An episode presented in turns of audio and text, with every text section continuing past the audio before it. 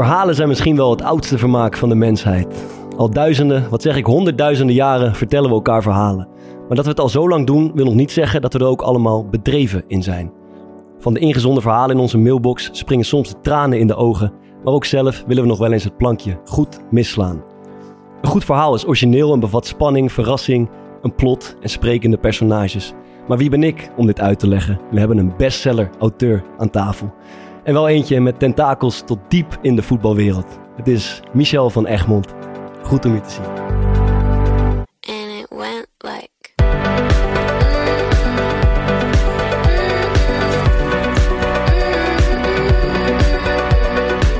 Wat vind je van die intro's van eh, Bart? Daar ben ik wel heel erg gecharmeerd van. Maar neem jij eens even dan de mensen thuis mee. Hoe, hoe gaat dat bij jou? Zullen we zo'n intro schrijven? Alles bij elkaar geluld. Je spreekt het wel mooi uit. Beetje stroeve start gehad, dus ik was er eigenlijk wel blij mee als je het goed vindt. Nee, helemaal niet. Eigenlijk niet, nee. En ik ben eh, wit, dus dat scheelt ook. Kom gewoon niet bij mij met deze onzin.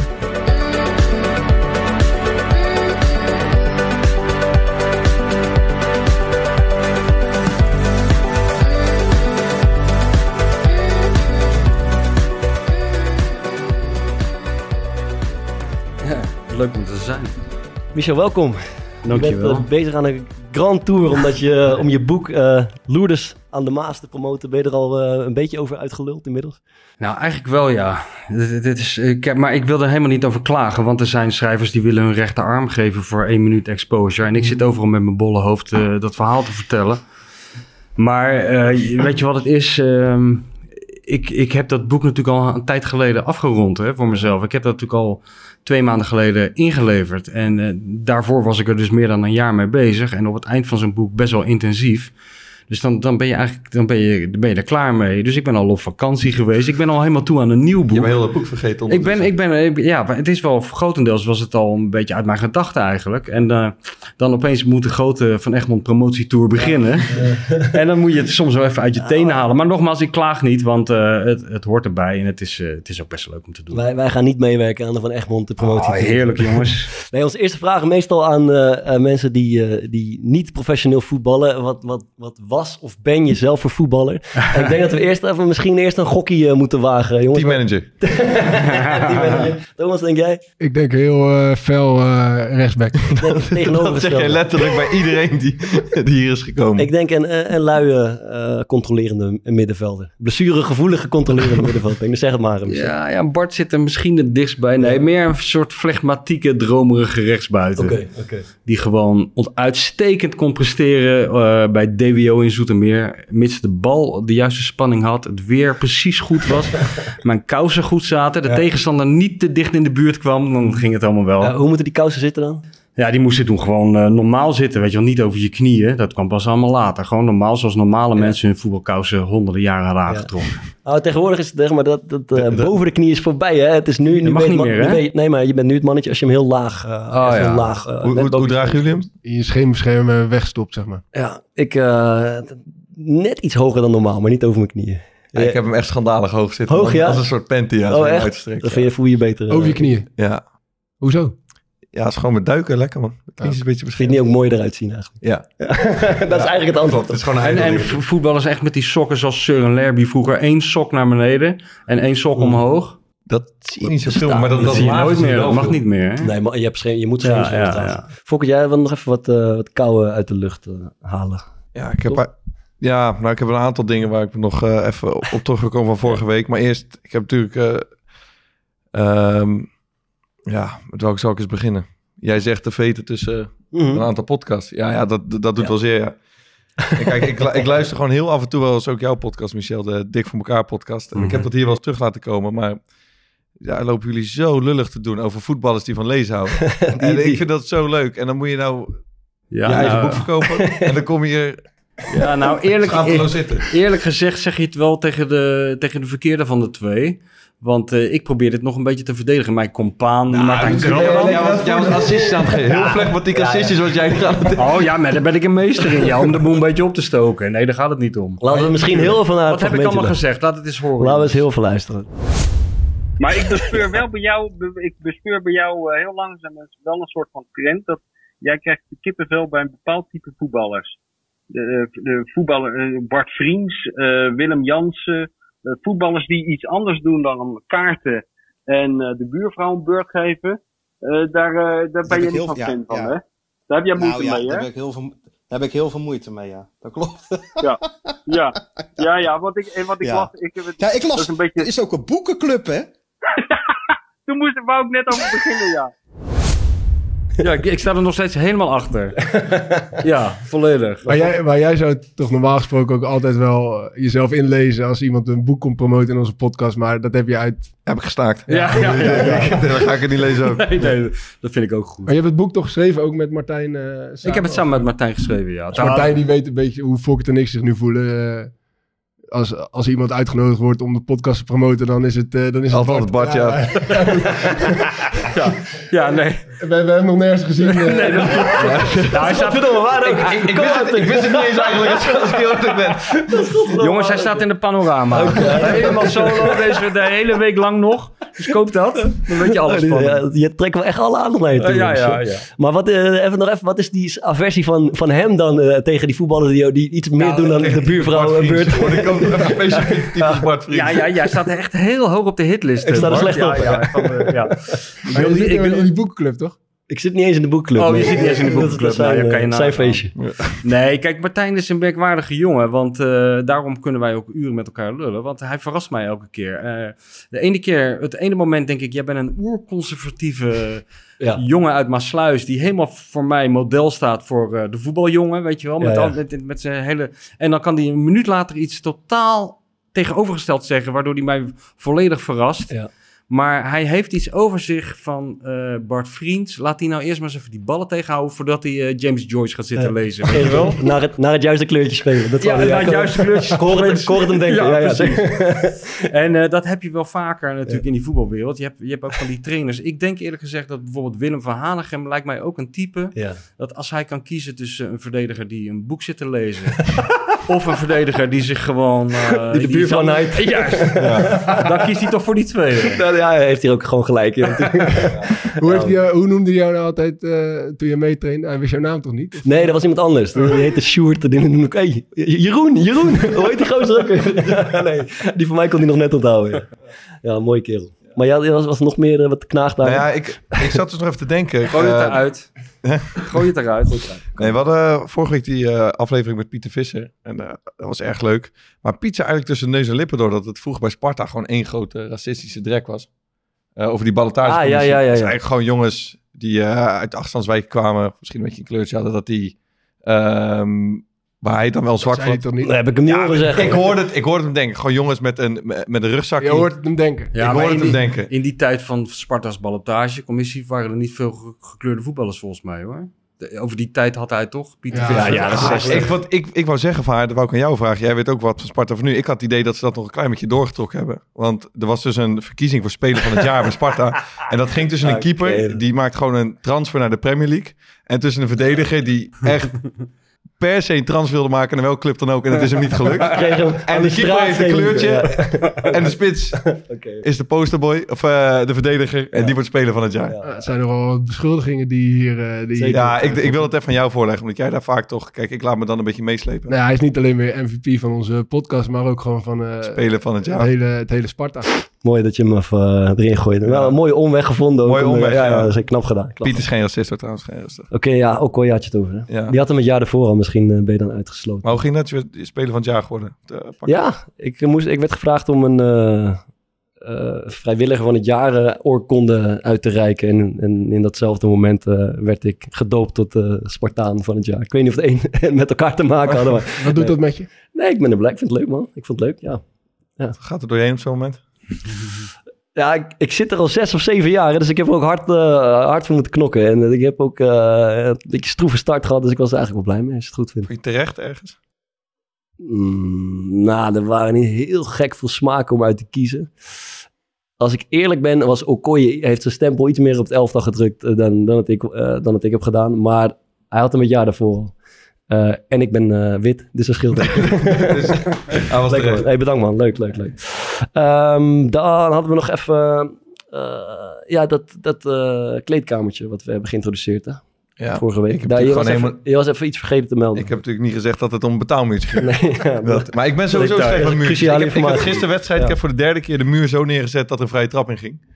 Dus betaalmuurtjes, muurtjes, dat loopt allemaal niet. Loopt- dat, dat loopt allemaal niet dit jaar. Ja.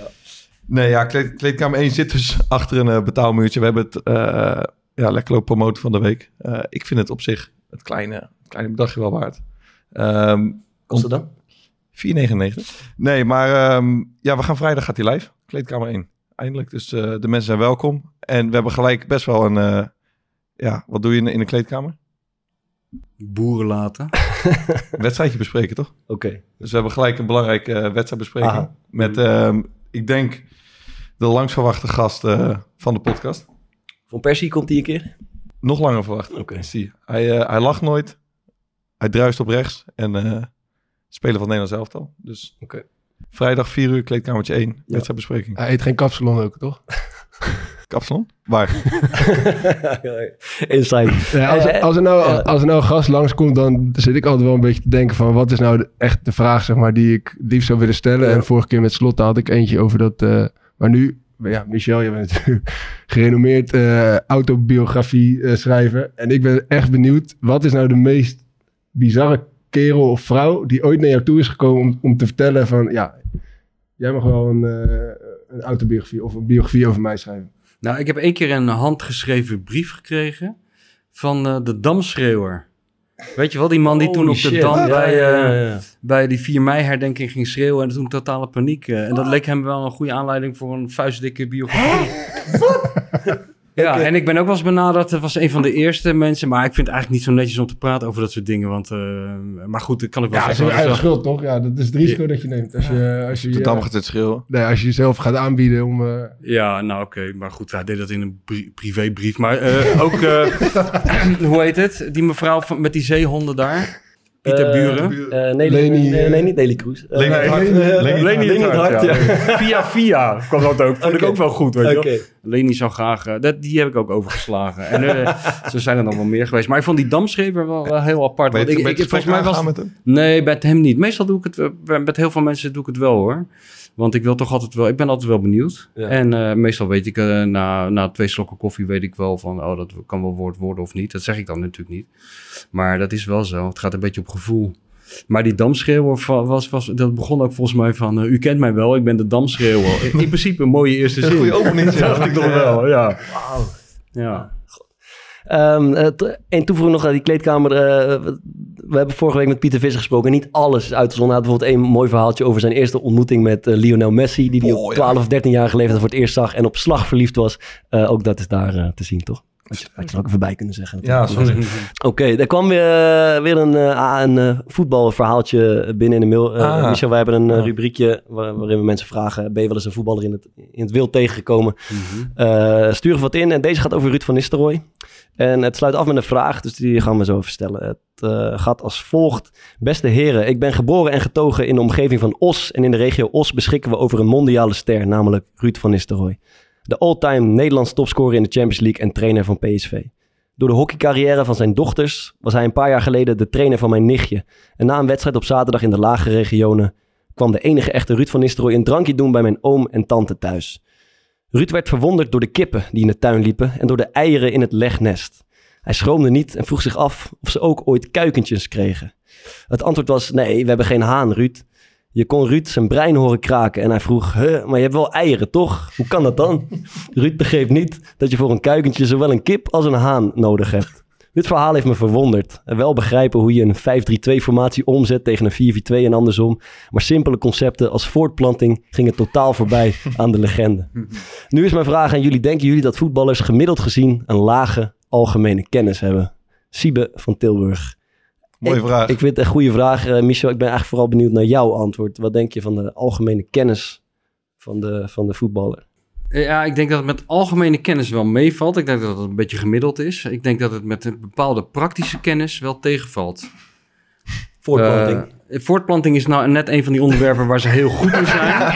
die voetballers. Uh, nee, maar ik, ik kan me wel herinneren. Ik ben wel eens met... Uh, ik, ik ben wel eens met... Ik, vroeger reisde ik met Feyenoord mee, hè? Met dat elftal en zo. Ja, toen ik daar, was je, was je. Ja, ja. toen het eigenlijk nog niet bestond, eh, was ik een soort embedded verslaggever. Maar eh, dan zat ik ook in de spelersbus en in het vliegtuig met die gasten, et cetera. En eh, ik weet nog dat ik, wa- ik was natuurlijk een groentje en zo. Ik weet nog wel dat aan het begin, we waren geloof ik in Argentinië of zo, in zo'n gammele bus. En toen moesten er van die boarding passes worden uitgedeeld. en, en, die, en die bus was veel te klein, dus dat gangpad stond ook vol met koffers en massage, tafels, et cetera. En die manager van Feyenoord, Hans Hagelstein toen, die ging al die eh, boarding passes één voor één bij die voetballers in die handen duwen. Hè? Dus eentje aan Trustful en op rij 2. En dan koopt hij over al die massagetafels helemaal naar achter naar Van Gobbel. En dan gaf hij Van Gobbel erheen. Dan ging hij weer terug naar de Wolf. En toen zei ik in mijn naïviteit... Waarvoor doe je niet gewoon net als bij normale mensen? Je geeft gewoon dat stapeltje. Iedereen pakt zijn boardingpas eruit. Toen zeiden ja, nee, maar dit zijn voetballers. Ja. Dus de helft gooit de boardingpas van zijn buurman uit het raam. En dan hebben we, hebben we dat gezeik, weet je wel. Dus de, die, de praktische kennis die laat wel eens te wensen over. Ik denk ook aan al die buitenlandse spelers... die dan hier op Zuidplein worden gestald door Feyenoord... en dan lekt de kraan om half vier... en dan bellen ze de manager erop. Ja, dat is echt zo, maar je flikkert alles over de schutting. Dat. Dat Ja. normaal. dat is wel zo. Ja, man. Ja, dat is waar. Maar Eh, algemene kennis denk ik dat het gewoon een beetje gemiddeld is. Er zijn hele domme voetballers en er zijn hele slimme voetballers, net als eh, schrijvers. En eh ga maar door. Jullie eh, enige ervaring mee? Ja, het komt bij mij toch snel wel naar boven dat je dan jongens hebt die voor het eerst een uh, krijgen. En dan vragen wie, wie is bruto? Wie is, eh, niet waar, toch? ja man, ja, bij Goat Eagles, ja. Ja, dat is echt verschrikkelijk. Kan je geen namen noemen, maar... ehm, dat hebben we al eens eerder genoemd. Dat, maar dat is voor buitenlandspelers iets lastig van hoe de fuck is Mr. CFK? Ja, ja, ja. Dus dat, eh, ja, dat en... eh, CFK is de... eh, Ja, dat, Pensioen. Ja, spelers. Eh, maar daar kan je nog iets van bij voorstellen dat ze het Ja. zeg maar niet helemaal snappen. Maar dat ze dan denken dat de persoon is, dat is wel weer, dat is wel weer iets. Ehm, en rondom de verkiezingen. Zeg maar, Wij maakten toch bijvoorbeeld die reeks. Dus dan ging je een beetje peilen in de kleedkamer soms. Ja, dat had je toch wel echt dat het meer... Je had een aantal, zoals Luigi Bruins, die waren, eh, die waren heel erg betrokken. En die vonden van alles. Maar de meeste, die, die keken ook gewoon letterlijk aan van... Wat, waarom vraag je dit mij? Je weet toch gewoon, dit is... Ja. Kom gewoon niet bij mij met deze onzin. Vraag mij niet zulke vragen. Ja, ja man. Jij dan? Ja, ik, ik had alleen, eh, dat was een tijdje, toen, was- toen Nelson Mandela overleed, er was heel gedoe over eh, met, met eh, rouwbanden en minuut stilte en alles op die, op die dag van de wedstrijd. Toen weet ik nog dat we, vlak voordat we naar buiten stapten, een van die gasten zei, wie de fuck is Nelson Mandela eigenlijk? Ja, dat is ook altijd grappig met, eh, nou jij zegt rouwbanden. Van, dat valt me wel altijd op aan voetballers, met name vaak buitenlandse voetballers, wat ze allemaal ontgaat. Het is geen verwijt, want ik snap heel goed dat je Ja. je moet concentreren op die wedstrijd. Maar ik weet nog dat voor de UEFA Cup finale eh, van Feyenoord tegen Dortmund in 2002... Ja. ging Gerard Meij... Toen stond natuurlijk heel Nederland op zijn kop vanwege Pim Fortuyn... wat er 48 of 24 uur daarvoor was gebeurd. En toen ging Gerard Meijer bij iedereen de rouwband omdoen. En de- toen dacht Christian Kian dat hij op slag aanvoerder was geworden. Dat was volledig ontgaan. Ja, dat is wel waar, ja. Maar is, eh, Michel, is er iets wat ik zei, al een beetje gekscherend, je hebt tentakels zeg maar diep in de voetbalwereld, dat komt dat je volgt het al jaren en jaren. Eh, is er iets wat je specifiek nogal nog verbaast of, of verrast aan de voetballer, of waar je vinger niet achter krijgt of iets? Nou ja, ik verbaas me over heel veel dingen. Is eigenlijk is het mijn grondtoon is eigenlijk verbazing. Ja, nee, maar serieus, dat is geen grap. Dat, eh, ik, ik vind het, eh, dat is waarom. Kijk, ik, wat ik, waarom ik al 30 jaar over voetbal schrijf, dat is niet eh, om de reden die jij nou net zegt, dat ik alles volg. Want ik volg helemaal niet alles. Eh, ik kijk ook heel weinig wedstrijden. Ja. Maar dat- ik ben er ook helemaal niet zo in geïnteresseerd, weet je wel. Maar wat, maar wat, wat, wat ik interessant vind aan voetbal is wat het voor mensen betekent, wat het met mensen doet. Ja. Vooral de mensen eromheen. En wat ik interessant vind is de gigantische kloof die er zit tussen de, zeg maar, de beleving en de romantische kijk die, die, die het publiek heeft op de tribune, eh, die de krant leest, Ja. die, en hoe het werkelijk is. Ja.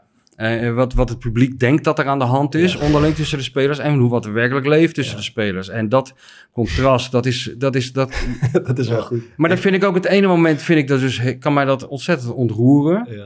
Op de een of andere manier. Vooral als die harde voetbal, ka- voetbalwereld, die cynische voetbalwereld, eh, conservatieve, asociale wereld, opeens eh, zijn mooie kant laat zien. Als er iemand dood is of als er iemand in problemen is, dan komt dat allemaal samen. En dan zie je ook de potentie van voetbal. Nou, dat vind ik nog steeds eh, heel ontroerend, kan dat zijn. En het volgende moment is het gewoon totaal belachelijk. Het is vaker belachelijk dan ontroerend trouwens. Maar het is gewoon een lachwekkend circus wat helemaal nergens op slaat. Met gasten die gewoon, ja, ook he- gewoon helemaal niet meer op deze planeet leven, mentaal.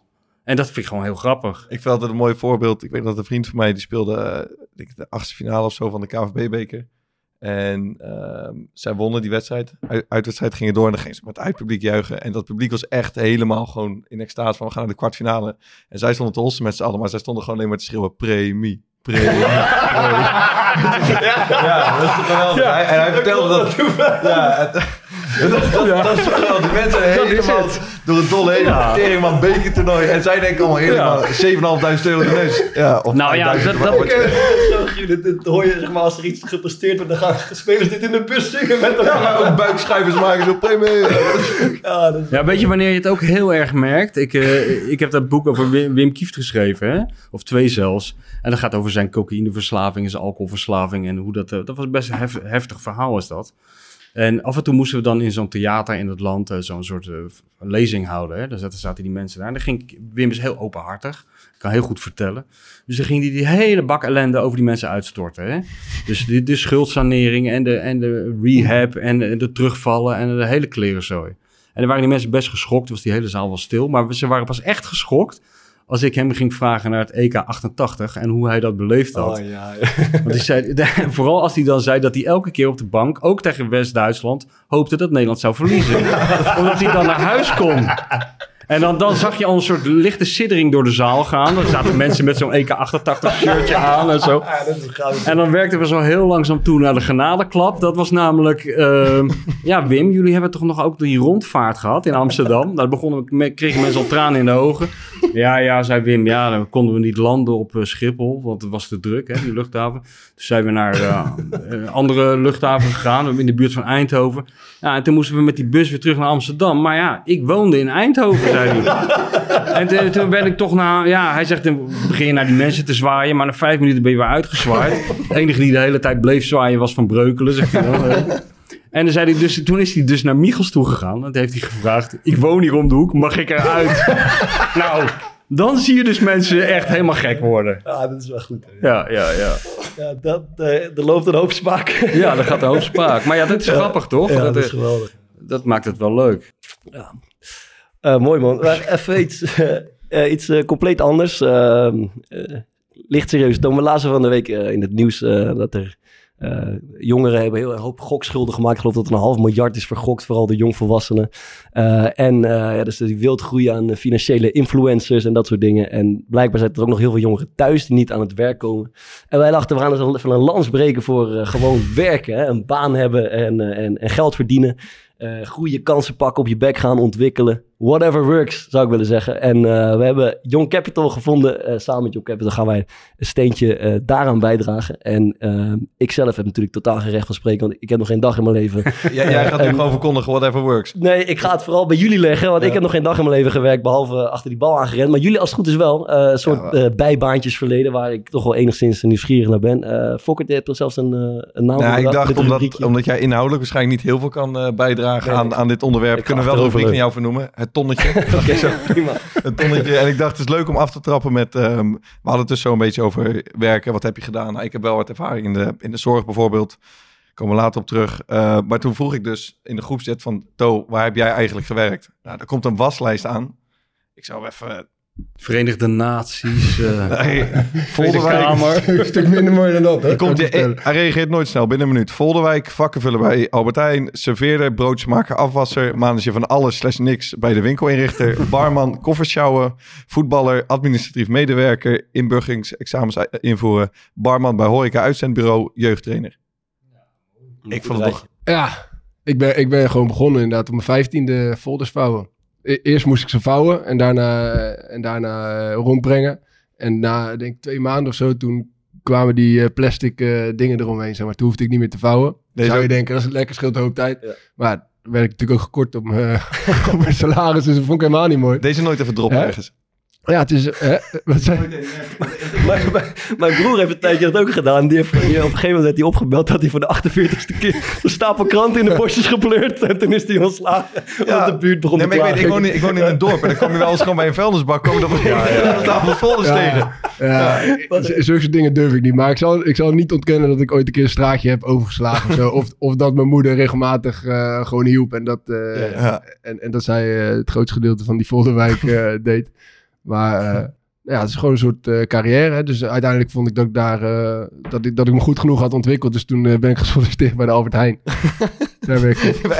Een heel stappenplan heb jij gehad. Ja, ik, ja, ik, ik was zo'n vlierenfluit, jongen. Ik, ik was alleen maar aan het voetballen en ging naar school. En, en ik moest ook een klein beetje geld verdienen. Dus ik werkte bij de Albert Heijn voor vier uur in de week.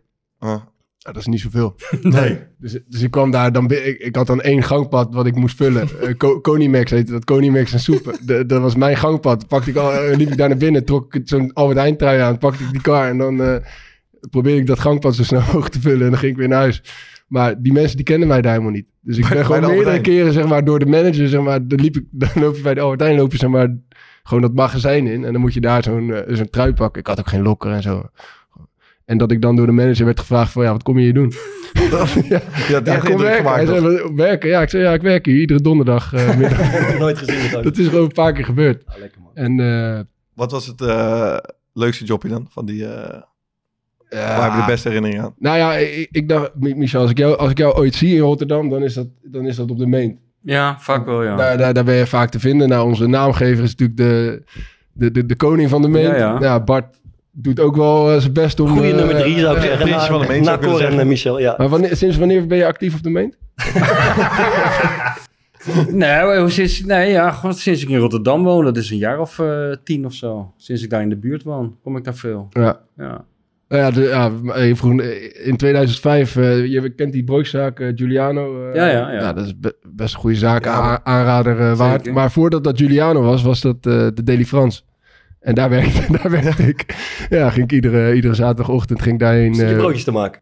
Ja, ik was niet zo goed in broodjes maken, dus ik was uh, serveerder. Ja, ja. Dus ik ging dan eh, bestellen en dat vond ik ook eigenlijk het mooiste. Gewoon Was een jij goed in praatje pot met mensen? Ja, ja, dat vond ik echt fantastisch. Maar ik heb één dus keer- jij kan goed vouwen, je kan foldertjes vou- vouwen, je kan, eh, wat kan je nog meer, eh, spiegelen in de supermarkt. En, ja, en- zijn, pas drie, dat zijn pas drie van de baantjes die, eh, ik heb de gedaan. de eh, de, de komende rest komt de, de volgende. Maar, eh, ja, Eh, ja, dat was de, het ton, eh, ja, een tonnetje. Tonnetje van de Een week. tonnetje, even iets praktisch. Eh, mocht je geïnspireerd zijn op www.youngcapital.nl slash corepodcast hebben wij een paar mooie jobs uitgekozen die waarschijnlijk bij jou passen. Hey, maar eerlijk, we hebben ook even een paar tipjes gegeven. Ja, Maarten, Die pagina ziet er mooi uit. Hè? Let, ik heb wel eens de website van de SP aangeraden. Dat was Ja. heel slecht. Ja. Maar dit is oprecht een mooie, echt een mooie En jullie hebben het sollicitatietips dat was gegeven. Lilian Marijnissen, toch? Ja, ja dat, was, eh, dat was niet goed. Toen was ik ook nog in het begin van mijn podcastcarrière.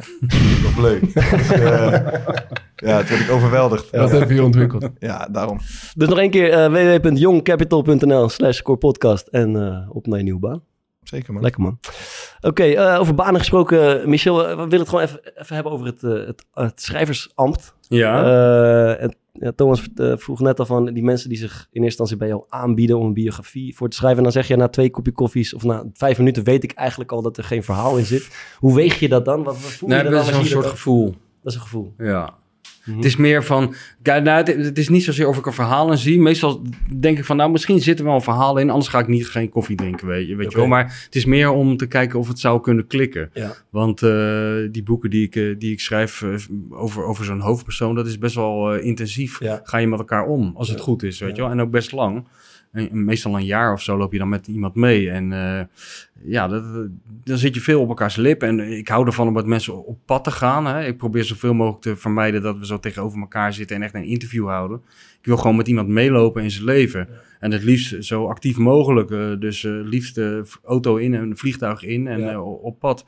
Nou, dan moet je wel iemand hebben met wie je het uit kan houden. Ja. Dat weet ik van mezelf. Want als ik een hekel krijg aan mijn hoofdpersoon, dan wordt het niks met het boek. Nee. Dus dan ga ik... Stel je daar een voorbeeld van? Wat zeg je? Heb je daar een voorbeeld van? Dat je, of Is wel eens gebeurd. Ja. Dat je gaandeweg... Nou ja, je, aan, eh, niet echt een hekel, maar je, je, je hebt natuurlijk dat wel je eens- blij dat het klaar was. Ja, ik ben altijd blij dat het klaar is, sowieso. Nee, maar je hebt natuurlijk wel eens dat het niet lekker loopt met... eh, dat, dat, dat je of een conflict krijgt of denkt van, eh, doe niet zo moeilijk. Of bijvoorbeeld Rob Jansen, dat eh, heb ik een boek over geschreven, De Voetbalmakelaar. Ja, dat, was natuurlijk, dat, zijn- dat is een ander type dan René van der Gijpen hè? en Wim Kieft. Kijk, René is sowieso heel makkelijk, die zegt gewoon alles. Dat doet hij op tv ook. Dat doet hij ook tegen mij, die hoeft dat hele boek ook helemaal niet te lezen. Die zegt alleen maar veel succes ermee, ouwe. Wonderlijk vind ik dat, maar dat, Ja. ik geloof het gelijk, ja. En Wim, Wim was natuurlijk een ander verhaal. Die, die, die had gewoon twintig jaar een geheim bij zich gehouden. Dat moest eruit. Ja. Het was alleen maar fijn dat ik dat wilde aanhoren en opschrijven. Maar Rob was actief in een, in een wereld die in principe is gebouwd op vertrouwelijkheid. ja. En toen kwam er opeens iemand die begon alles op te schrijven. Wat hij deed en wat hij zei. En Ook de, ook de, rare, ook de rare dingen die hij zei en deed. Ja, ja, ja. Dus dat, dat was af en toe even passen en meten. Maar dat, dat hebben we tot een goed einde gebracht hoor. Maar bijvoorbeeld Rob is iemand met wie ik heel intensief Eh, ik heb zelfs een tijdje in zijn huis gewoond, weet je wel, tijdens het schrijven van het boek. Dus dan moet je wel eh, elkaar een beetje kunnen verdragen. En dan je, wat ik, ik stel me zo voor, je bent er niet aan het interviewen, maar je moet gewoon mega goed observeren, toch? Is, waar, is dat, Ja, je moet je dat aan of hoe, hoe doe je dat? Ja, nou ja, je moet gewoon veel tijd met iemand doorbrengen. Eh, en, en door de ervaring krijg je een beetje gevoel voor wanneer die tijd genoeg is om te gaan schrijven. Ik merk altijd aan mezelf, kijk, ik ben vaak gefocust op. eh, aan de ene kant ben ik gefocust op hoe mensen het doen. Ik, ik heb een beetje de stelregel van wat mensen zeggen over zichzelf. Dat is mij niet zoveel waard, maar ik, ik zie ze liever bezig, weet Ja. je wel. Eh, uit hun daden blijkt vaak veel beter hoe ze zijn dan uit de woorden die uit hun mond rollen. Eh, en ik heb er wel een soort fetish voor hoe iemand praat. Weet je wel, ik hou van mensen die een soort specifiek taalgebruik hebben. Want dat, dat kan je naar papier vertalen. En daar heb ik natuurlijk mazzel met, met, ja, met René. Ik heb wel eens in dat boek geschreven over René van der Grijp. Van eh, praat tien minuten met René van der Grijp over de Tweede Wereldoorlog. En hij heeft het over Hitlertje. Weet je wel? En daar is hij natuurlijk de enige in in Nederland die zo praat. Dus dat, dat is wel fijn. Dus je gaat, ik ga dan wel focussen op hoe iemand praat. En dan, ik merk als ik aan mezelf, als ik zelf in staat ben dat een beetje te imiteren. Ja. Of zelfs als ik tegen mijn eigen vriendin, imiteren? als René van der Grijp gaat praten of als eh Ja, ja. Derksen, dan, Dan zit het goed. ja. nou, dan, zijn we, dan begint het een beetje te, te, te werken. Ja, Hoe ziet dat eruit dan? Jij tegen je vriend- vriendin. Jij wil, dat, ik- Derksen. jij- Ja, jij wil dat ik dat nu voor ga doen. Ja, we hebben dit seizoen al veel imitaties gehad, dus ik ben erg benieuwd. naar- Ja, ja nou, doen we volgende keer dan. Maar En, en gewoon eh, op persoonlijk vlak, steek je ook iets op van die gast of zit je eigenlijk alleen maar te verwonderen? Ik bedoel, Nee, steek je iets op van hoe Derks in het leven staat of hoe Zeker, zeker. Kieft in het leven staat? Of Van niet? iedereen. Ik heb ook een bo- boek over Patty Bart geschreven. Daar heb ik ook wat van opgestoken. Ja. Maar alleen al Wim Kieft, weet je wel, als iemand eh, zo'n verhaal vertelt, natuurlijk hoe iemand zichzelf in de vernieling helpt en er weer uitkomt. Ja. Ik bedoel, ik heb wel vaker gezegd, maar dat is ook echt zo. Als Wim, ik ging elke week naar Amsterdam om met Wim Ja. te praten. En als hij na tien gesprekken had gezegd van, joh, ik wil eigenlijk helemaal geen boek meer, maar als jij het verhaaltje af wil horen en elke week wil komen, eh, dan was ik elke week gegaan om, Om het te horen. om het te horen. Ja, natuurlijk. Ik ben met hem eh, mee geweest, een soort van halve undercover, een soort Ja. Alberto Stegeman Ja, geweldig. naar, eh, naar de AA-meetings en zo. Ja, Ja, ja, ik ben er nog nooit geweest. Zag je dan zelf ook als... eh, ja, ik heb gewoon niks. Wim zei dus een vriend. van- Michel. ik ben Nee, Michel maar- en, eh, nee, nee, dat, nee, ik heb geen. Ik heb er niet anders voor gedaan dan ik. eh, ik heb geen toneelstuk opgevoerd, maar Mhm. ik, ik ben er gewoon met Wim zei dus een vriend van. Eh, maar ja, kijk, niemand is bezig met mij daar. Die mensen zijn allemaal met zichzelf Is bezig. dat echt zoals je het zeg maar, in film ziet en de Ja, series? dat, dat van ik ben Wim en ik Ja. ben verslaafd. En zij zeggen hallo Wim. Ja, dat is echt In een zo, ja. matige verlichte sporthal met eh Ja, in een, stoeltjes. ja, nou niet in een sporthal, maar wel heel armoedig en Ja. matig verlicht. Ja, ja. de- Ja. Deze stoeltjes. Nee, maar, en een deprimerende omgeving. Ik kan niet anders zeggen. Ja. Echt een plek waar je niet wil zijn. Godverdomme. Ja. Ja, ik heb een lichte eh, intrige voor eh Bokito. En dat, daar, daar heb ik het wel over met, eh, met, met mensen. Toen werd ik een keer gewezen op een eh, verhaal over Pascal Bosgaard. Oh ja, ja, ja. In Hartgras of VI. Ja, ja, in. Hartgras, ja. eh, ja en dat begon volgens mij gewoon met een interview met, over Met zijn vrouw. Bosgaard. Over met zijn vrouw. En die was, toen, die was toen net zeg maar, in de dierentuin geweest op het moment dat... Ja, Bokito was uitgebroken. En de, vervolgens gaat het verhaal alleen maar over... Toen ben je toch zelf een keer gaan kijken of zo. Dan gaat het verhaal eigenlijk alleen maar over... wat andere mensen op dat moment over Bokito zeggen in Blijdorp. Terwijl het begint met een verhaal over, eh, over Pascal Bosgaard. Ja, ja. Pascal's verhaal, ja. Ja, ja, dat is waar. Ja, nou, maar dat is die beroemde foto van, eh, van Bokito die Ja. uitbreekt. En dan zie je een vrouw onder, naast een kinderwagen onder een tafel liggen. En dat is de vrouw van Pascal Bosgaard. En, de, en de, in die kinderwagen zit zijn kind. Oh, Christus. Ja, dat is bizar. En toen hadden ze, ja, nee, maar dat is, ja, ik kan me dat nog herinneren, ja. En dan na dat, zeg maar, na dat eindeloze observeren, dan, dan, eh, dan moet er een verhaal komen. Dan moet er nog iets, iets leuks op papier komen. En eigenlijk is de eerste vraag, maar hoe komt het dat er zoveel mensen heel erg slecht zijn in het vertellen van een goed verhaal? Hè? Mensen, weinig mensen kunnen goed schrijven en überhaupt een leuk verhaal vertellen. Heb je daar enig idee van? Trek mij er niet meer. Fokker. ja, oké. We kijken met z'n allen op dit moment naar Fokker. eh. Shit, Laat mij met rust, man. Nou, ik denk dat er een heel groot verschil is tussen een verhaal vertellen en een verhaal op papier zetten. En een boek, maar dat denk ik, ja. Ja, ik denk dat een verhaal goed vertellen, dat is een beetje, ik weet niet, is misschien een beetje aangeboren, een beetje aangeleerd. Ja. Ik bedoel, er zit er in, in elke kroeg in Rotterdam zit wel één iemand aan de bar die een goed verhaal kan vertellen, Ja, hoor. ja. Maar die, die, ik weet niet zeker of die allemaal een goed boek kunnen schrijven. Ik denk dat het toch een andere tak van sport is. En op papier is het, ja, ik, ik geloof dus heel erg in dat je er ook over moet nadenken. Wat je, eh, hoe je het wil vertellen. Van tevoren al een beetje. Ja. Weet je wel? Hoop mensen die gaan schrijven, die, die beginnen gewoon maar. Ja. Beginnen te schrijven en die zien wel waar het ongeveer eindigt. Ja. Terwijl op een gegeven moment is het wel handig als er een soort structuur is. Oké, en heb je bijvoorbeeld bij, laten we eh, van de geit nemen, dan aan het begin al enigszins het idee wat voor soort verhaal het gaat worden? of zo? Nee, maar meer wel wat de fascinatie is. En, eh, en als ik terugkijk op die boeken en, en de verhalen die ik vroeger voor Voetbal International Ja. schreef, dat waren ook een beetje die alternatieve verhalen. Dan, dan merk ik wel, eh, wat, het altijd, wat altijd wel lekker is als ingrediënt voor een verhaal, is als er een soort contrast is. Mhm. Dus René van der Gijp is op de televisie die man die de hele tijd zit te lachen en tegen de kijkers op Juist. de bank zegt, maak je niet zo druk. En zelf zit hij zich enorm druk te maken, Ja. want ik krijg een burn-out. Ja. Wim Kieft is de ideale schoonzoon op wie alle meisjes verliefd zijn en die held van het vaderland.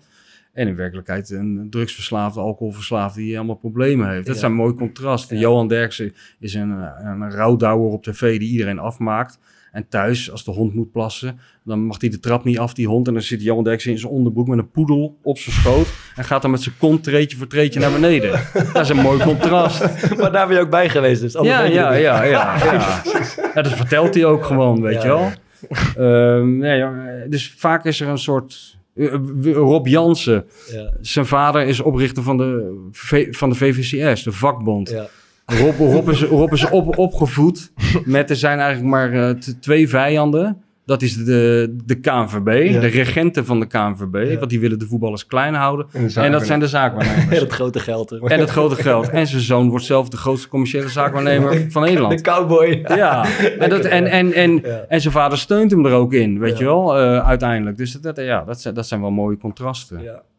En, en dat, zeg maar gewoon dat, eh, het letterlijke schrijven, eh, is, dat- gooi je veel weg? Ben je Ja. aan het schrappen? Ben je op zinsniveau aan het bouwen? ja, of, ja, eh, ja, op uh, kan je daar een voorbeeld van geven? Maar jij, Ja, zegt, jij zegt zelf dat het een beetje eh, om een bepaalde structuur gaat. Maar als ik jouw boeken lees, dan, dan heb ik juist het idee dat je heel veel ruimte neemt om gewoon uit te wijken. En, eh, Ja. en dingen op te schrijven waarvan je denkt van, nou ja, in een, in een biografie eh, waarin je iemands leven beschrijft, beschrijf je gewoon eh, wat je meemaakt. Zeg maar. en, Ja. en- en dat, dat, is, dat is toch wel anders dan hoe de meeste mensen biografie schrijven. Dat klopt, en maar dat, dat heb ik wel bewust eh, gedaan ook. Ik, ik heb nooit de ambitie gehad om een klassieke biografie te schrijven. Die begint met Pietje Puk werd toen en toen geboren en eh, zijn ouders waren Ja. zeevissers. En zijn broer heeft een eh, aquariumwinkel en et cetera. Weet je wel. Ik denk altijd van skip the boring parts. Dat is wel een Ja, belangrijke stel. En ik, ik wil gewoon, ik, ik zie het ook niet echt als biografie. Ik zal het zelf nooit een biografie noemen. Het is meer een soort biografische schets. Ik kom in iemands leven. Ehm, en ik loop net zo lang mee tot er iets interessants gebeurt. Waarvan ik denk van, hé, hey, daar kan ik mee werken. Ja. Weet je wel? En, en soms is dat, of soms, eigenlijk altijd is dat gewoon een kwestie van de lange adem. Heel lang wachten tot er iets gebeurt. Iets, eh, En als je maar lang genoeg wacht, gebeurt er iets. En kijk, met René, ik, ik had he- helemaal geen ervaring eh, met zo'n lang verhaal maken als dat boek van René. Weet je wel, ik, ik zei gewoon, ja, ik vond het gewoon een interessante gozer. En ik wil een keer met je meelopen. Ja, is goed, ouwe reus. Dat is de oorsprong van het boek. ja. Ik wil met je meelopen, is goed, ouwe reus. Toen zijn we het gaan doen. En gaandeweg, als je maar lang genoeg rondhangt, dan maakte ik dus iets mee dat, ja, ik had dus meegemaakt, omdat ik ook eindredacteur van, van het programma was, van, Ja. van VI, had ik dus meegemaakt dat die jongen gigantisch populair werd. Dat hij daar bijna aan ten onder ging, want hij kreeg een burn-out door die populariteit. Dus hij ging weer ten onder en hij richtte zich weer op. Nou ja, dat is bijna de Bijbel, weet Ja, je wel. ja, ja. Dan heb je een spanningsboog eh, in je schoot geworpen gekregen. En nog heel veel over dat, gewoon dat praktische schrijven, zeg maar. Dat, dat, dat, dat, bouwen aan zinnen. Hoe, hoe, hoe werkt dat? Ben je dat echt aan het op woordniveau aan het veranderen? Ja, ja, nee, het, is één grote... Ik ben een enorme herschrijver eh, van mijn eigen stukken. Ik bedoel, dat boek eh, nu over Feyenoord wat ik heb gemaakt, dat is denk ik 60.000 woorden. Maar ik denk dat ik er 40.000 heb weggegooid, eerlijk gezegd. En dus, dus er zijn er maar hele hoofdstukken die je uiteindelijk net niet goed genoeg vond. ja, of niet dat leuk genoeg vond. dan. Ja, ja. Hoe gaat dat over het algemeen? Doe je dan, je bijvoorbeeld schrijft een alinea, je herleest hem, gaat opnieuw Ja, een heel hoofdstuk ja, nog dat- lezen? Ja, en dat vervelende is, dat is mijn werkwijze. Dat, is, dat heb ik me aangeleerd, daar kom ik niet meer van af. Dat is heel bewerkelijk. Ik, ik, ik, ik schrijf een alinea, dan schrijf ik nog een alinea. En dan begin ik het van bovenaf weer te lezen. En dan denk ik, oh nou, daar moet een, een woordje anders. En, Ja. dan, en dan komt er een derde alinea bij en een vierde. En dan begin ik weer van vooraf aan. Dat is helemaal niet erg. Maar als je op een gegeven moment een boek schrijft... dan zit je dus de hele tijd dat boek te Alles, lezen. alles te lezen, ja. Dus ik heb, dat, ik heb dit boek, dat Feyenoord-boek, daarom heb ik ook... eh, soms is het een beetje lastig om over te praten. Ik heb het gewoon al 70 keer gelezen zo. Wordt het dan op een gegeven moment ook niet lastig om in te schatten of het Ja. goed is? Heel erg, ja. Daar moet je dus ook iemand anders voor hebben. Of je moet gewoon even drie dagen het helemaal niet lezen. Dan lees je weer een beetje met frisse ogen, weet je wel. Ja. Dus dat is, eh, maar goed, het lijkt nou net of ik in de kolenmijnen werk en zit te klagen. het, is, het, eh, het is hartstikke leuk werk, maar ik, ben, ik beschouw het wel als compliment eh, wat Thomas zegt, van dat het leest alsof ik het zo eh, gedachteloos op papier heb gezet. Want de praktijk eh, leert dat om dat te bereiken, dat is juist het harde Heb je werk. rituelen? Nee, dat, pro- dat probeer ik zoveel mogelijk van weg te blijven. Heb je echt geen, geen rituelen? Nou ja, je, je, je- Hij heeft wel rituelen. Nee, ja, je wil wil ze niet delen, maar dat gaat hij nu wel doen. Nee, nee, je wil Twee of drie rituelen. Nee, maar je wil een rustige kamer en je wil een lege agenda, weet je wel. Ja. Je wil niet bij jezelf denken, van, nou moet ik doortikken, want ik moet nog een half uur wit halen. Eh, of een paar folders in de, in de bus duwen. Dat, nee, maar als je, als je te prooi valt aan, als je gaat zitten wachten tot de muze jou eh, bereikt en je briljante ingeving, dat, dat schiet niet op. Je moet gewoon, het is gewoon een baan, het is gewoon een ambacht. Je kan het ook gewoon leren, weet je wel. Dus En ben jij een, zeg maar, een betere schrijver dan tien jaar geleden bijvoorbeeld? dat, dat hoop ik En wel. waar, waar zit dat, die ontwikkeling of dat verschil dan in? Eh, nou ja, eh, ik merk het aan mezelf, omdat, omdat ik niet graag dingen van mezelf teruglees van tien jaar geleden. omdat ik dan denk, dan zie je dingen waarvan je denkt, ja, dat zou ik nu niet meer zo doen. Ja. Heeft het En- inhoudelijk of meer qua stijl? nee, vorm meer of- qua stijl, ja. Ik ben er veel meer gefocust op stijl. Ik vind stijl is ook een soort inhoud eigenlijk. Om het even heel filosofisch te zeggen. Maar ik vind wel van... eh, ja, ik, ik, ik lees liever, laten we zeggen, een, een, een, een slecht verhaal opgeschreven door een hele goede schrijver... dan een heel spannend verhaal opgeschreven door iemand die niet kan schrijven. En waar, waar, zit dat niet schrijven dan in? Nou ja, iemand die gewoon slechte, lelijke zinnen Oké, schrijft. lelijke zinnen maakt. Ja, ja, ja. Weet je wel, dat, eh, dat, dat, daar erg ik me dan zo aan dat het hele verhaal boeit me dan niet meer. Terwijl als, als Martin Bril schrijft over dat er een, een koelkast op straat ligt... waarvan de deur een beetje heen en weer wappert... en er komt een Surinaamse vrouw aan en die trekt daar even aan en die loopt weer weg. Een Ja. scène van niets, Ja, maar zo briljant opgeschreven. eh, Ja, dat, dat kan ik wel tien keer lezen. En briljant vind je dan, ik, ik vul een beetje in, maar gewoon doeltreffend opgeschreven of zo. Dat of grappig, grappig, weet je wel. Ik vind, ik vind grappig ook eh, humor ook onderschat een beetje in... ik probeer altijd wel ook dat er iets te lachen valt in Er die mag ook gelachen worden. Ja, wij, hebben ook een soort schrijver in ons midden. Eh, wat vind je van die intro's van eh, Bart? Ja, die vind ik eh getuige van talent. Getuige van lef, dacht ik. Dat het niet Nee, van talent. Nee, van talent. Ja, Want je ziet dat, dat de Bart goed kijkt of naar dingen. Of dat je, dat je probeert kleine dingen. Het gaat vaak om kleine, kleine, de juiste details eruit te pikken. Die, die heel sprekend zijn voor, voor een, iemand of voor een situatie. Maar neem jij eens even dan de mensen thuis mee. Hoe, hoe gaat dat bij jou? Zeg maar zo'n intro schrijven. ik, eh, ik, ik, ik weet altijd dat ik ga zo'n intro Hij wacht op zijn schrijven. muze, hij doet zijn altijd. geluksbroek aan. Ik heb geen idee. Het Cortadootje erbij. gebeurt altijd op de scooter. Ah, Dus ik rij onderweg. het huis altijd. moet opgeruimd zijn. Ongeveer op de dag van de podcast. Ik weet, dat, ik weet ongeveer, eh Michel komt of, of eh, volgende week komt eh, een zekere rechtsback van de Nederlands elftal. En dan rijd ik op de scooter naar de training en heb ik opeens een ingeving. Denk, dit ga ik, dit ga ik doen. En dan soms spreek ik het even in op die, eh, op die dictafoon. Heb je daar eentje van nog? Nee, ja, ga rot op. Ja. en dan eh, schrijf ik later uit en dan denk ik, ja, Delen een flauw, een beetje flauw. En dan haal ik dat weg en dan denk ik dat het beter. En, eh, maar goed, dit zijn eh, zes zinnetjes. Ja, je maar, maar zo, het klopt wel. schrijven? Schrijven, doe, je ook, dat doe je ook op de scooter onder de, onder de douche. Weet je wel. Je Ja. doet het niet alleen als je met je vingers op dat toetsenbord zit. Ja. Het, het grootste deel doe je natuurlijk als je Ja. iets anders aan het doen bent. Ja. Als, als, als je denkt dat je iets anders aan het doen bent, maar in werkelijkheid ben je aan het verhaal aan het denken. Maar ik geloof er trouwens helemaal niks van. Hoezo? Dat je doet nou heel luchtig alsof je dan zo even weet. Maar volgens mij is echt een heel erg precisiewerkje bij jou. Nee, nee, soms zit ik echt, dan ga, zit ik smiddags even in zo'n tentje en dan zit ik te schrijven en dan gebeurt, dan denk ik, ja, er, er komt niks, er gebeurt niks, ik heb niks eh, origineels of aardigs bedacht. En dan rij ik, dan ga, rij ik op mijn scooter naar de Albert Heijn en dan heb ik ineens een soort van ingeving. Het gaat altijd op die manier. En dan zit ik wel een beetje te... te, te Laat, laat je hem altijd even eh, aan Laura lezen? Ja, soms wel. Als ik, als ik denk, dit, dit slaat nergens op. Draag je hem voor of eh, laat je hem lezen? Ja, dan draag ik ervoor, man. Ja. Zo, zo. Lekker rijden. Ja, man. Ehm, eh, eh, zou ik toch niet snel doen. Zou ik niet durven, denk ik. Ik kan dat Nee? dus niet. Ik zou ook denk ik zo slecht zijn ik, in is dit deze leuker intro. of is dit leuker? Jij zou een stemmetje opzetten. Ja, het stemmetje en dat zou gewoon niet gaan. En ik zou half stilvallen. Ik zou een droge wa- waffel krijgen. Dat zou echt helemaal niks, eh, niks voor mij zijn. Eh, is er nog een verhaal wat jij heel graag zou willen schrijven waar je mee speelt of, of, of, of wat je, waar je aan denkt? Nee, de, de mooiste verhalen loop je eigenlijk tegenaan. Mhm. Op momenten dat je het niet verwacht. Ja. Of, of je bent op zoek naar iets heel kleins en dat wordt dan opeens heel groot, Ja, weet je wel. ja. Kijk, ik zou wel eens, eh, soms wordt wel vaker gevraagd van waar, welk onderwerp zou je nog... ehm, ja, ik zou best het leuk vinden als morgen een brief in, eh, in mijn bus valt die niet van de damschreeuwer is, maar wel van de eerste homoseksuele Ja, eredivisie voetballer. Die zegt van nou ben ik het zat en nou zal ik het allemaal eens een keer allemaal vertellen aan jou. En dan gaan we samen een mooi boek van maken. Dat zou ik heel fijn vinden. Maar daar, daar zit je op te wachten. Maar je zou ook zelf in enige, enige manier actief naar op zoek kunnen gaan. Ja, ik vind dat moeilijk. Ik heb er wel eens met, eh, hoe heet het, eh, de zus van John Blankstein over gehad, hè, die daar actief in is. Ja, ik vind niet dat, je dit, dat dit iets is, is wat je mensen toe kan dwingen. Ik kan niet te moeilijk een brief schrijven van, eh, ik zit eens naar jou te kijken. Maar ik denk dat jij wel de aangewezen persoon bent om uit de kast te komen. Ja, vind ik een beetje ver gaan. Ja, ja. Maar dat is wel interessant, want dat is, dat is zeg maar een heel goed verhaal. Maar het kan ook een heel saai persoon zijn. Tuurlijk. En dan ja. kan je dan ook nog zeg maar besluiten na... Dat, dat- ik snap, dan ga je drinken met die, met die, met die gozer. En dan denk je, ja, dat is een interessant verhaal. Maar na twee dagen denk je, dit is een fucking saaie gast. Ja, dat zou kunnen, ja. Dat, dat moet je dus proberen in te schatten voordat je het aan, aan het avontuur begint. Ja. Maar ik ben altijd heel duidelijk tegen mensen, hoor. Dus ik, ik zeg ook wel dat ik iets van hun vraag. Ja. Dus eh, ik zeg altijd, het is, het is ons boek. Ja. Ik, maar ik, ik neem het recht om alles over jou te schrijven wat ik wil. Ja. En dan moet je tegen kunnen, weet je. Maar ik zie het wel als ons boek. We delen ook de opbrengsten.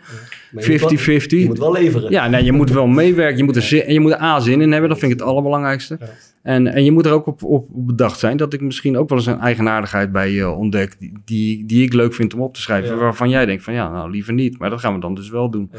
Dus ik ben altijd heel, heel eh, duidelijk daarin. Dus er kunnen nooit echt veel misverstanden over ontstaan. Is soms de kunst ook niet, ik weet niet of je dat doet, maar eh, om een verhaal net iets aan te dik of mooier of groter te maken dan het is. Om, nou om ja, dat, effect, eh, te, te dat ja, nou niet in de zin van feiten erbij verzinnen. Nee, precies. Va- Vaak zeggen mensen met je dat. scriptie had gedaan. Alles bij elkaar geluld. Ja. Diederik Stapel.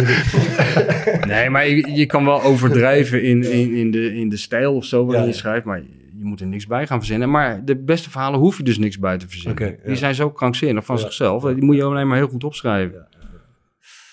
Leuk man. Je nog iets weten over het eh, schrijvers? Jij moet ook stukjes tikken af en toe. Jij gaat een nieuwsbrief toch tikken van, eh, van eh, het kleedkamer. Nou ja, ik moet, ik moet zeggen, wat je zegt over je moet er geen feiten bij verzinnen. Dat, dat is inderdaad denk ik nooit een goed idee. Maar je, ehm, ik had het op school ook wel als je een, een verhaal moest tikken van iets. Maar als je het gevoel had op een gegeven moment van oké, dit is wel oké, maar het is niet genoeg. Je, je voelt wel echt die, die soort van drang om dan, heb ik dan om dingen Iets erbij te te maken. Het Even iets mooier, ja. Ja, ik denk, ja. dit is te weinig wat ik nu aan het produceren ben. Ja, ik heb helemaal geen fantasie. Dat is echt zo. Ik zou ook nooit fictie kunnen schrijven. Dus dat is heel eh, vreemd. Ik spreek wel vaak. Ik zit ook vaak op de main met Wilfried de Jong. Ja. Nee? En die kennen jullie ook allemaal. Die wel fantasie. Dat is een ja, van nee, dat is waanzinnig Ja. gewoon. Je heeft wat wel een verhaal in. Ja, nee. Maar ik- als, als ik twee keer over de meent loop, dan kan ik vijf onderwerpen verzinnen voor een column. Weet je wel, dan zie ik wel iets en denk, nou, daar zou ik wel een stukje over kunnen maken. Maar ik heb nog nooit, ook niet één seconde, iets fictiefs kunnen verzinnen. Terwijl Wilfried, die snapt het, die zegt dan tegen mij, ja, je neemt gewoon een man en die gebeurt dit en dat en dan komt hij die tegen. En dat is voor hem heel simpel. Ja, dat heb ik helemaal niet. Dus le- eh, lees, je, lees je wel graag fictie? Of kijk je... Ja, jawel, ik lees het natuurlijk wel. Ik lees wel meer non-fictie, betrap ik mezelf op. Maar ik probeer zoveel mogelijk, mogelijk te lezen. Want daar begint het schrijven. Begint met lezen natuurlijk. Je moet eerst veel lezen en dan, dan moet je pas gaan schrijven. Weet je nog dat, eh, dat we in de huismeester waren? En Wilfried de Jong is een soort van oom van Vaar. Ja, kwam jij met... eh Michel kwam met eh, Wilfried binnen, maar Wilfried herkende Thomas niet. Maar terwijl het zijn oom is. Ja, dat was zo... dat zo Ja, het is gewoon hetzelfde bloed. Ja, dat was zo... Ook niet zo goed als wel. En, Ja, en, heel en raar. Wilfried die keek gewoon op en die liep Ja, door. ik een familieveten, dacht ik. Ik bemoei me hier niet meer mee. Ja, hij moet toch een beetje genuanceerd. Hij is, de, hij is de broer van mijn tante. En dan zou je denken, ja, dat is... eh, maar hij is aangetrouwde tante. Altijd een beetje aandikken, die Ja, ja. Nee, maar, nee, maar, dit, maar, maar dit, dit, dit is ontstaan Ja. door Michel Breuer. Want eh, ik was een keer met Michel naar de AWN allemaal tennis, tennistoernooi. En eh, ja, nou ja, ik heb, ben Wilfried regelmatig tegengekomen op verjaardagen en zo. Dus, maar ik ken hem niet super supergoed of zo. Maar toen liepen we daar in dat VIP-ding en toen kwam, kwam ik Wilfried tegen. En die omhelsde me helemaal. Toen zei Michel, ja, die heeft daar sowieso natuurlijk best wel een hekel aan. Als je, als je, Als je met bekende mensen... als je met bekende mensen überhaupt bent, dan, dan, daar- daar- daar- ja, dan zit je zwaar in zijn allergie. jongen. eh. dus hij zegt, vader, wat doe jij nou, joh? Hè? ik zeg, ja, dat is, eh, dat is de broer van mijn tante. Hij zegt, dat is je oom. ja, ja, niet helemaal, dus ik probeer het uit te leggen, maar ja, dat kan natuurlijk niet. en dan, ja, de, eh, twee dagen later, we waren de dag daarna vrij, twee dagen later in het spelershome, eh, ja, dan ben, ben je natuurlijk de lul. Ga je eraan. Ja. Ja, eh, eh, er zit eh, Michel naast Roy Kortsmit. Ja, ja. Hij zegt, uh, Kortsmit, weet je wat ik nou heb meegemaakt? Ja, en dan wordt heel dat verhaal aangedikt. Ja, ja, tuurlijk. Totaal uit zijn voegen. Net en, sindsdien, ja, toen zaten we inderdaad in de Zegt huismeester. een en verhaal ik- eigenlijk eh, omhelst eh, Wilfried de Jong. ja, ja, het is voor haar zijn oom en dit en dat. Eh, eh, ja, je kan het dan ook niet meer ontkrachten. En eh, nou, dat is natuurlijk, hè, dat gaat van jou op Fokkert. En toen zaten we in de huismeester. Toen kwam hij daar binnenlopen en hij herkende mij niet. Ja, en dan... eh ik hem aan de pop Dan gaan wij elkaar aankijken. Het wordt ongemakkelijk. ja. Maar dat, eh, is dus... Oké, dan eh, sluiten we eh, zoals altijd af met... ah, je hebt een tijdje gehad om erover na te denken. Ja. Aanradertje van de week. Oh ja, en Ara, wat had ik nou verzonnen? Oh ja, nou, ik dacht ik moet wel een, een, een boek gewoon doen eigenlijk als Ja. schrijven, een sportboek. Ik lees eigenlijk helemaal niet zoveel voetbalboeken meer, maar laatst was er wel weer een eentje waar ik erg van genoten heb. Misschien hebben jullie hem al een keer besproken. Liverpool van James Worthy. Ah, ik heb, ja, nee, ik heb het niet gelezen, maar ik, ik komt vaak voorbij. Ja. Ja, dat is wel mooi. Oh, echt gelukkig een voetbalboek waarin niet gevoetbald wordt. Ja. Dat is wel heel fijn. Ja. Gaat over zijn vader ook. Gaat over zijn vader. Eh, allebei zijn ze Liverpool-fans. Hij, is, eh, ja, hij woont in Amsterdam en eh, zijn vader overlijdt. En hij gaat terug naar Liverpool om met de vrienden van zijn vader te spreken, eigenlijk. Ook allemaal Liverpool-fans. En uiteraard om, eh, om de as te verstrooien, stiekem op Anfield. Mm. Ik zal niet eh, onthullen of het wel of niet lukt. Het is natuurlijk een beetje, het klinkt als cliché, maar eh, dit is ook weer, vind ik, een goed voorbeeld van een boek waar, waar eigenlijk de kracht zit in de stijl, hoe die het opschrijft. Want als ik het zo vertel, denk je, ja, waar gaat het eigenlijk allemaal over? Nee, hij is, hij is, hij is Maar hij schrijft- een voorbeeld van... Maakt niet uit waar hij over schrijft, maar hij kan dingen echt fucking goed opschrijven. Ja, en ik, hij schreef vroeger columns in eh, het Parool. Waren naar mijn smaak altijd net een tikje te sentimenteel. En dat, dat, is, dat lijkt me heel erg als je dat doet als je over je overleden vader schrijft. Maar dat doet hij dus juist helemaal niet. Hij schrijft er dus Ja. heel... Ja, op een hele goede toon schrijft hij erover. Cool. Ja. Mooi. Thomas. Ik, heb een, eh, se- ik ben natuurlijk groot fan van The Big Lebowski. Ja. En eh, de hoofdpersoon van The Big Lebowski, de dude, eh, Jeff Bridges, die is nu hoofdpersoon in een, eh, in een nieuwe serie. En als je, en als je, de, als je de trailer kijkt, dan denk je, ja, dit is weer zo'n serie over eh, CIA. eh, eh, maar ja, het is Jeff Bridges, dus dan moet ik kijken. En ik moet zeggen dat ik, er zijn nu drie afleveringen onderweg. En, en ik zit met smart te wachten op de volgende. Dus ik wil graag de, de Old Man te zien op, op Disney+. Plus eh, aanraden met de hoofdrol voor eh, de dude die je toch eigenlijk nooit meer anders kan zien als, eh, als de dude. Maar nu is hij dus een hele stoere ex-CIA-agent, dus dat is ook wel weer mooi. Maar ja, ik wil mijn vriendin Lisa weer eens betrekken bij de aanrader. Ja, zij is niet... Easy Toys. Dat is lang geleden. ik zou, nu moet ik oppassen, ik wou zeggen, zij is een aanrader op zich, maar dat valt, eh, valt mee. Maar nee, ik, ben, ik werk nu altijd van maandag tot en met donderdag. Dan heb ik best wel lange dagen. En dan vrijdag is onze, even ons gezamenlijke momentje. Dat is, ehm, ja, weet je, dan moet je ook een beetje krediet opbouwen. Maar dan gaan we eigenlijk altijd even ergens ontbijten. Eh, maar wij hebben altijd een beetje de... We botsen een beetje met elkaar dat ik denk van, het maakt niet uit wat het kost. En zij... ehm, denkt van, nou, we hoeven ook weer niet overdreven veel uit te geven. Maar er is één tentje in Rotterdam. En Vaar, je hebt het wel eens aangeraden, volgens mij, man met bril. Ehm, maar als je daar voor tien uur bent om te ontbijten, heb je heerlijk uitgebreid ontbijtje voor 6,66 euro. Kijk eens Dus, even. daar- dus, dus even. we, we hadden zeg maar afgesproken ongeveer... 6, 6, Zes- Hoezo? wat is dat, een soort duivel? Nou ja, 6,66 zo- euro. zo het ook. Maar, het is- maar we hadden dus een maand geleden afgesproken van, weet je wat, we gaan iedere week gaan we even ergens anders heen. Toen zijn we één keer bij man met bril geweest, toen bleek het 6,66 euro te kosten. Dus we zijn nu al drie weken op rij bij man met bril geweest. Dat is lekker. Ja, en goed dan- ontbijtje ook? Ja, het is goed ontbijtje. En dan doe ik daarna altijd, weet je, even eh, beetje uitrusten. Ik heb op zaterdag wedstrijd, ga ik een stukje hardlopen. Dan heb ik natuurlijk veel calorieën gehad die ochtend. dus Ja, ik, was er wel dan vergeten. neem maar ik, Ik, wil- ik wilde... Ja. zeker niet. Dus dan eh, ga ik een stukje hardlopen. Dat is goed voor de, voor de levensstijl. Dan neem ik lekker een caloriearm AA isolemmetje. doe je goed toch even het valreepje nog even. Ah, dat, doe je, dat doe je pas sinds kort, volgens mij. Wat? Want ik, heb, ik kreeg een eh, bericht van een, eh, van een luisteraar. Ik ga eens even kijken. Waaruit bleek dat jij nog niet heel lang eh eh, isolemmen eh, drinkt. Even kijken of ik kan vinden. Ja, hier. Goedemorgen man. Inmiddels... eh, ja, eh, Michel, jij bent natuurlijk schrijver, dus dat is ook wel interessant voor jou. Ik ben heel benieuwd eh, naar jouw mening over. Inmiddels luister ik meer dan een jaar wekelijks naar jullie podcast, omdat ik ze afgelopen twee seizoenen allemaal beluisterd heb. Wil het nog wel eens voorkomen dat ik aflevering uit seizoen 1 of 2 terugluister? Daar viel mij op dat Maarten de Fokkert in aflevering eh 14 van het tweede seizoen met Awazar een uitspraak deed die mijn wenkbrauwen deden fronsen.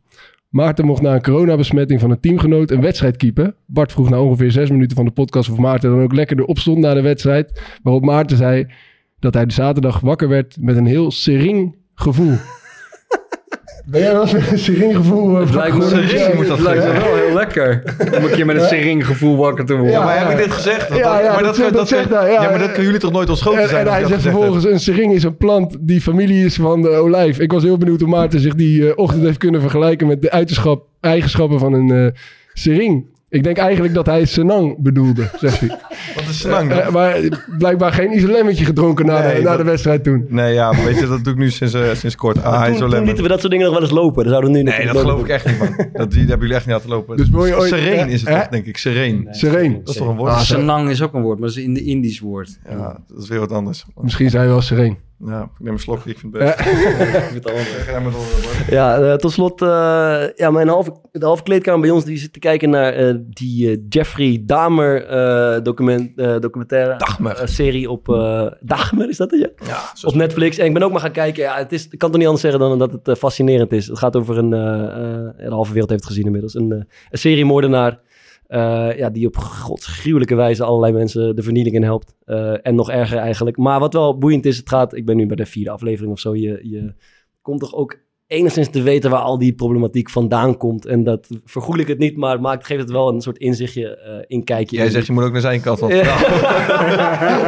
Luisteren. Ik De man heeft acht lijken in zijn koelkast zitten vier man in, in, een, in een vat met zuur, Ja, maar... ja, ik, wil, ik wil toch ergens in het midden houden eh, uiteindelijk. Maar eh, ja, het is, het is toch eh, het is niet voor niets dat heel veel mensen naar kijken. Het is best wel de moeite waard. Het is echt een krankzinnige gozer. Eh, jij hebt het ook gezien, toch? Ja, het is Ja, eerste een- aflevering. Eh, En nu is zijn bril geveld hè, voor 150.000 dollar. oh, kijk. Hij wordt echt een rock'n'roll ster door die serie. Nee, serieus. Dat is ook de kritiek. Er moeten een hele hoop mensen zich aanmelden bij Kleedkamer 1. Willen we aan de 150.000 eh, Eh, ja. komen, denk ik. Ja, ja, ja. En een liedje om mee naar huis te gaan. Om nou, naar een bed te liedje, gaan. een liedje. Kijk, weet je wat het is? Eh, ik, ook indachtig mijn eh, grote vriend Krabbedam.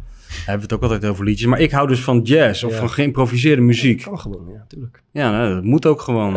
Eh, dus ik denk, eh, fu- fuck op met je liedje. We gaan gewoon een beetje jazz laten horen. Maar Maar mag je dat geen liedje noemen? Dan is het ja, jazz? jawel, jawel. Natuurlijk wel. Alles mag.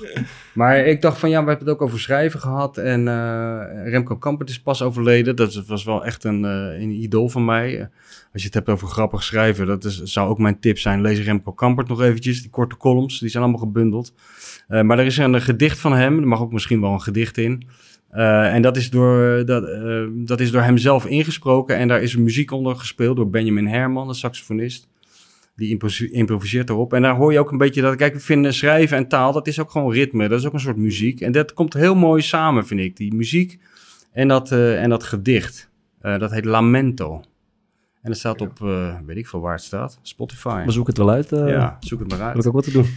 Eh, mooi man. Eh, ja, dank voor je komst. Was, was leuk. En eh, succes met de rest van de Grand Tour. Het is bijna afgelopen, jongens. Jullie zijn bijna van me af. Wanneer ga je eigenlijk op tour om eh, kleedkamer 1? eh, Ja, weet je wel, maar als genoeg mensen zich aanmelden, is weer- dat zou wel mooi zijn.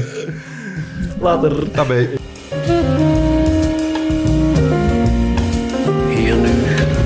Langs het lange, diepe water.